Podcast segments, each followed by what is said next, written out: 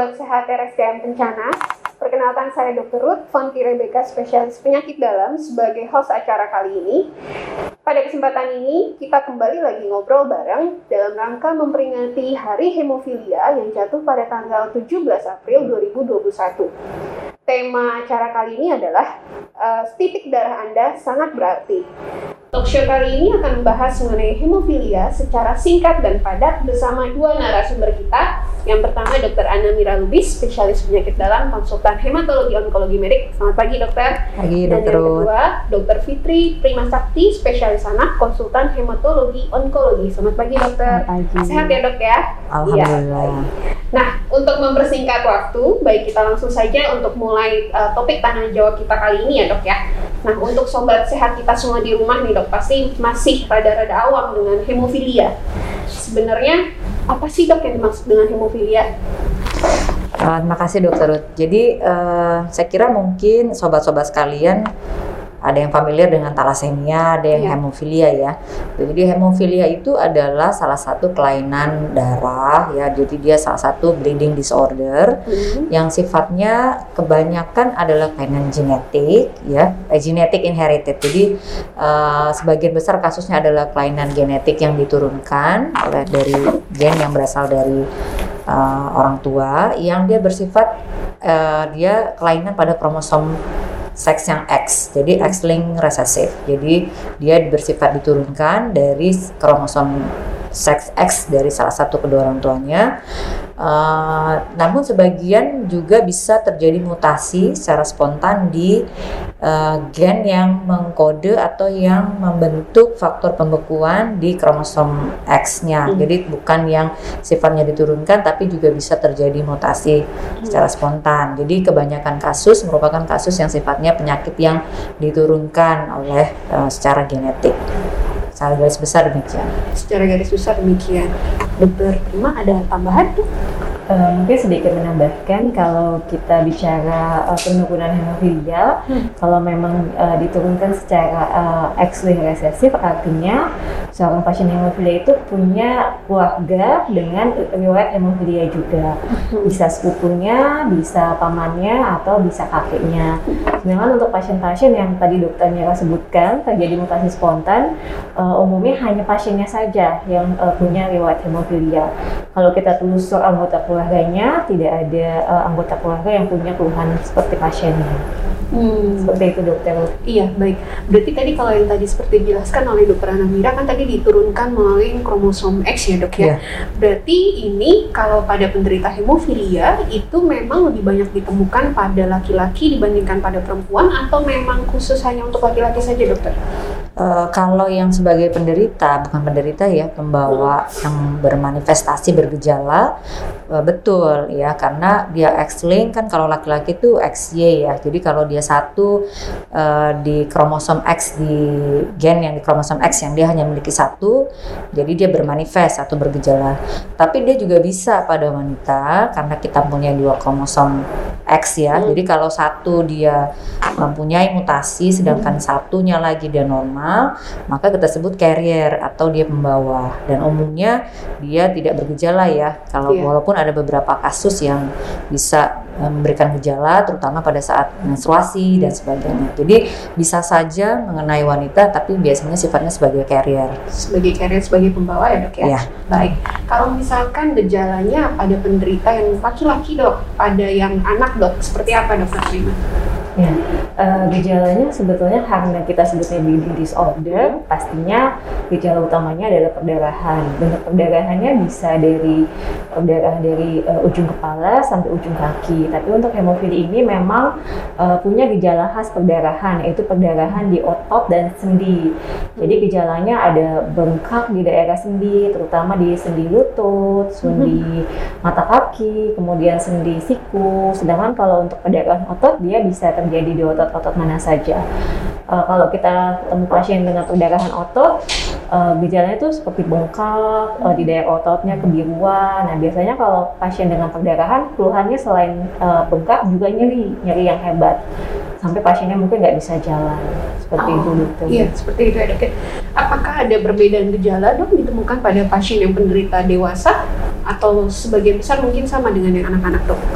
Uh, perbedaan gejala itu tentu tergantung dari beratnya penyakit ya. Jadi semakin rendah faktor pembekuan, uh, faktor 8 pada hemofilia A, faktor 9 pada hemofilia B, hmm. tentu semakin satu yang pertama lebih dini. Hmm. Jadi mungkin kalau hemofilia yang berat, mungkin dari dokter Prima dan tim dari hematologi anak yang paling sering menjumpai karena lebih dini ditemukan. Hmm. Kalau hemofilia yang sedang itu yang dia uh, yang tengah-tengah dan hemofilia yang ringan. Kalau ringan tentu lebih jarang. Jadi mungkin kita banyak pertemunya di dewasa yang mungkin akan banyak tindakan prosedur, hmm. operasi, pasien akan tindakan gitu. Jadi perdarahan-perdarahan yang sifatnya tidak spontan, tapi perdarahan-perdarahan yang terjadi karena proses perlukaan, karena prosedur tindakan. Tapi e, secara garis besar jenis perdarahan atau manifestasinya hampir sama ya, terutama seringnya di otot, sendi karena itu daerah-daerah yang bergerak juga.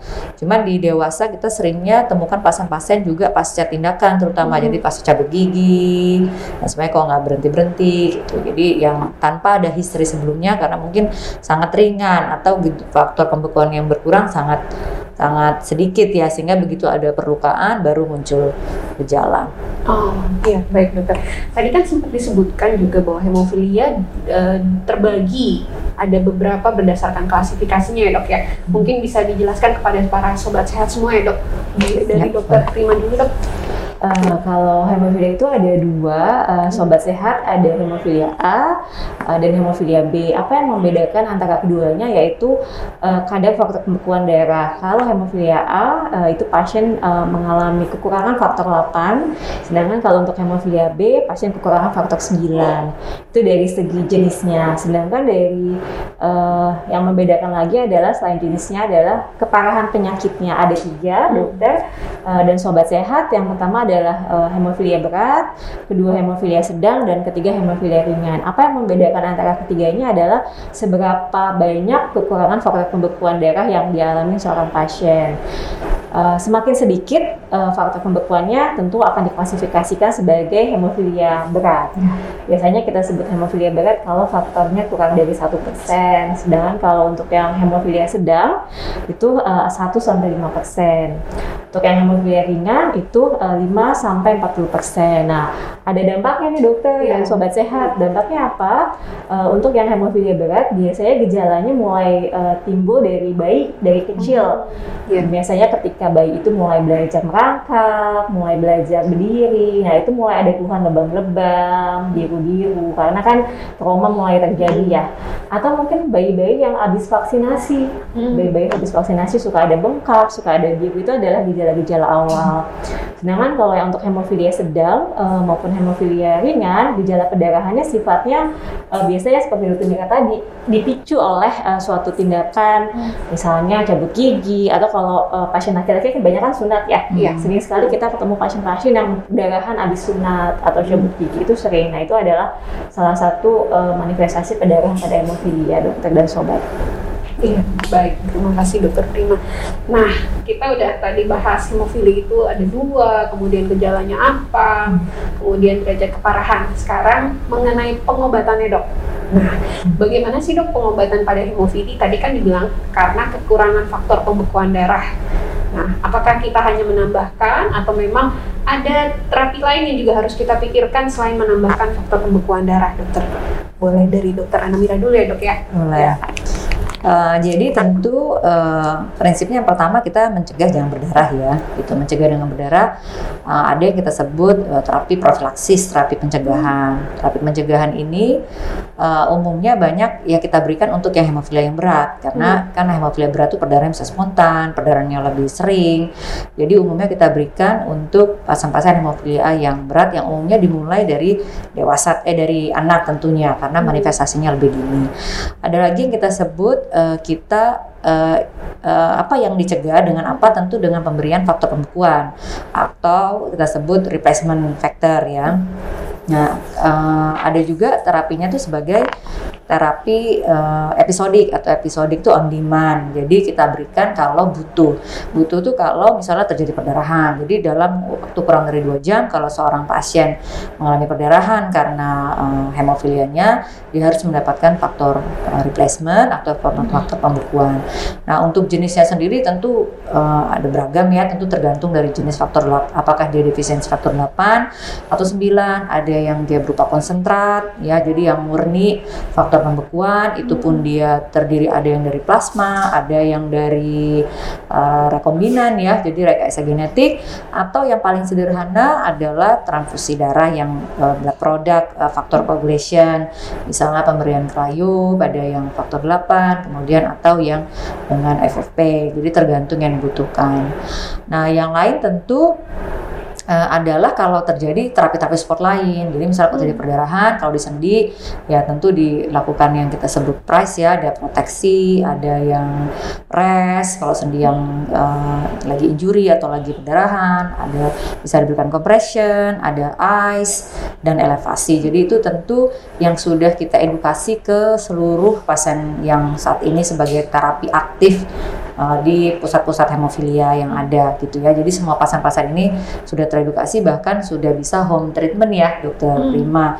Jadi untuk yang dewasa yang udah menjadi dewasa yang dulunya mungkin pemberiannya di rumah sakit sekarang tentu mereka di, diedukasi untuk bisa melakukan home treatment agar bisa mendapatkan terapi, terapi lebih cepat dan lebih mencegah terjadinya kerusakan sendi. Itu yang paling penting. Jadi mencegah perdarahan, kemudian mencegah kerusakan sendi ya dokter Prima. Hmm. Dan dan kalau kita di dewasa terutama kalau mau prosedur nah, jadi tentu pasien-pasien yang akan menjalani prosedur medis invasif tentu dipersiapkan. Nah persiapannya tentu tidak sederhana karena melibatkan tim multidisiplin. Jadi e, prinsipnya treatment hemofilia ini multidisiplin. Kita butuh semua support dari selain klinisi tentu juga dari yang lain rehab medik dari psikiatris dan sebagainya. Bisa outcome-nya tentu meningkatkan kualitas hidup pasien hemofilia apa ada tambahan dok? Dari dokter Prima ada pembeda kan dok pada anak-anak dok yang harus diperhatikan secara khusus Uh, prinsipnya sih sama ya karena kan uh, ini satu satu penyakit kronik ya sebetulnya mm -hmm. seperti uh, penyakit kronik lainnya. Jadi memang uh, kita harus uh, bekerja sama dengan semua tim mulai dari anak penyakit dalam. Kemudian kalau hemofilia karena memang hanya terutama di otot kita perlu melibatkan teman-teman dari rehab medik dan uh, banyak beberapa tim lainnya yang perlu kita libatkan Uh, mungkin tambahannya karena prinsipnya kita kan mencegah ya, jangan ya. sampai ada perdarahan.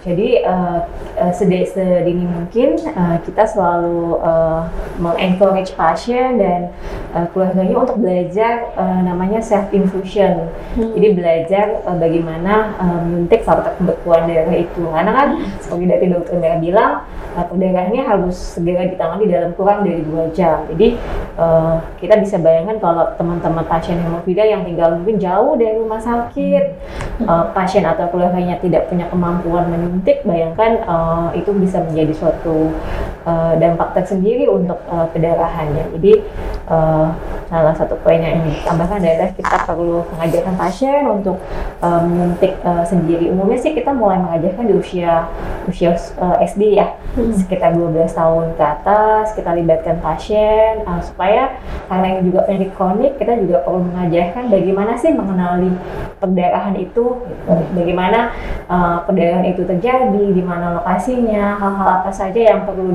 dihindari untuk pasien-pasien hemofilia. Uh, biasanya pasien hemofilia yang mengalami perdarahan mereka suka ada rasa tingling, kayak nggak enak badan gitu. Kalau kita kayak mau demam, kayak meriang, nggak enak nih badan. Nah biasanya mereka uh, juga seperti itu. Nah itu yang perlu kita ajarkan bagaimana mengenali uh, perdarahan dan bagaimana menyuntik faktor pembekuan. Mungkin itu tambahannya dokter.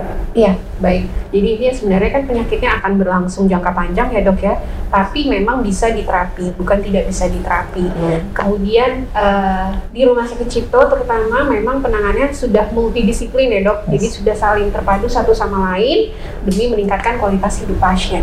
Gitu ya dok.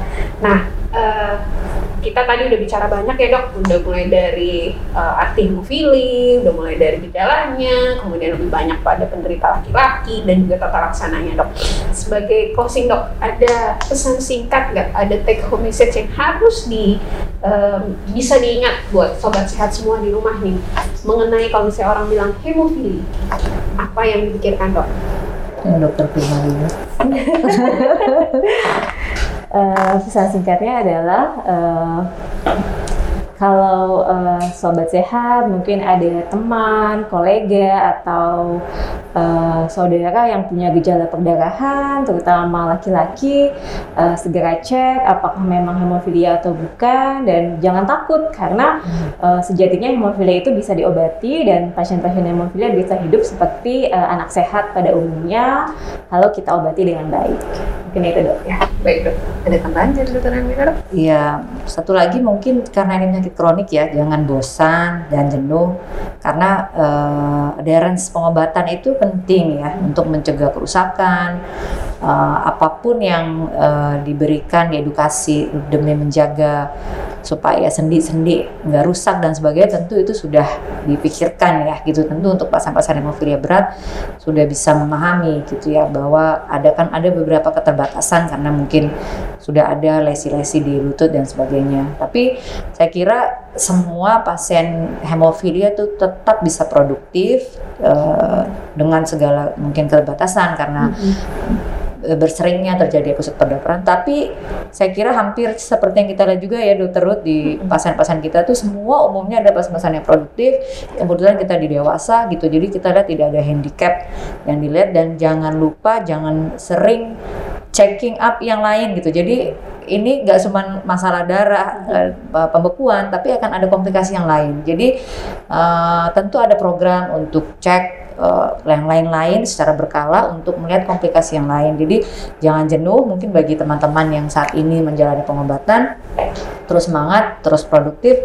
Jangan lupa adherence itu paling penting menurut saya. Dan support tentu dari keluarga ya. Iya, itu juga sekali. penting. Support dari support keluarga. Dari support system. Ya, setuju sekali. Support system. Iya baik. Terima kasih Dokter Fitri, Dokter Prima, Dokter Anamira untuk ilmunya yang boleh dibagi ke kita pada acara kali ini. Tentunya sangat bermanfaat dan juga bagi sobat sehat semuanya, uh, kita telah sampai pada akhir acara kali ini. Tentunya info yang kita dengarkan tadi sangat bermanfaat bagi para sobat sehat semuanya. Akhir kata, jangan lupa tetap untuk patuhi protokol kesehatan, lakukan vaksinasi, dan apabila ada kerabat atau sobat sehat yang memiliki gejala seperti yang tadi dijelaskan mengenai hemofili, jangan lupa untuk datang kontrol ke fasilitas kesehatan terdekat atau ke rumah sakit Cipto Mangunkusumo Kencana. Baik, selamat pagi dan uh, terima kasih sampai berjumpa di acara berikutnya.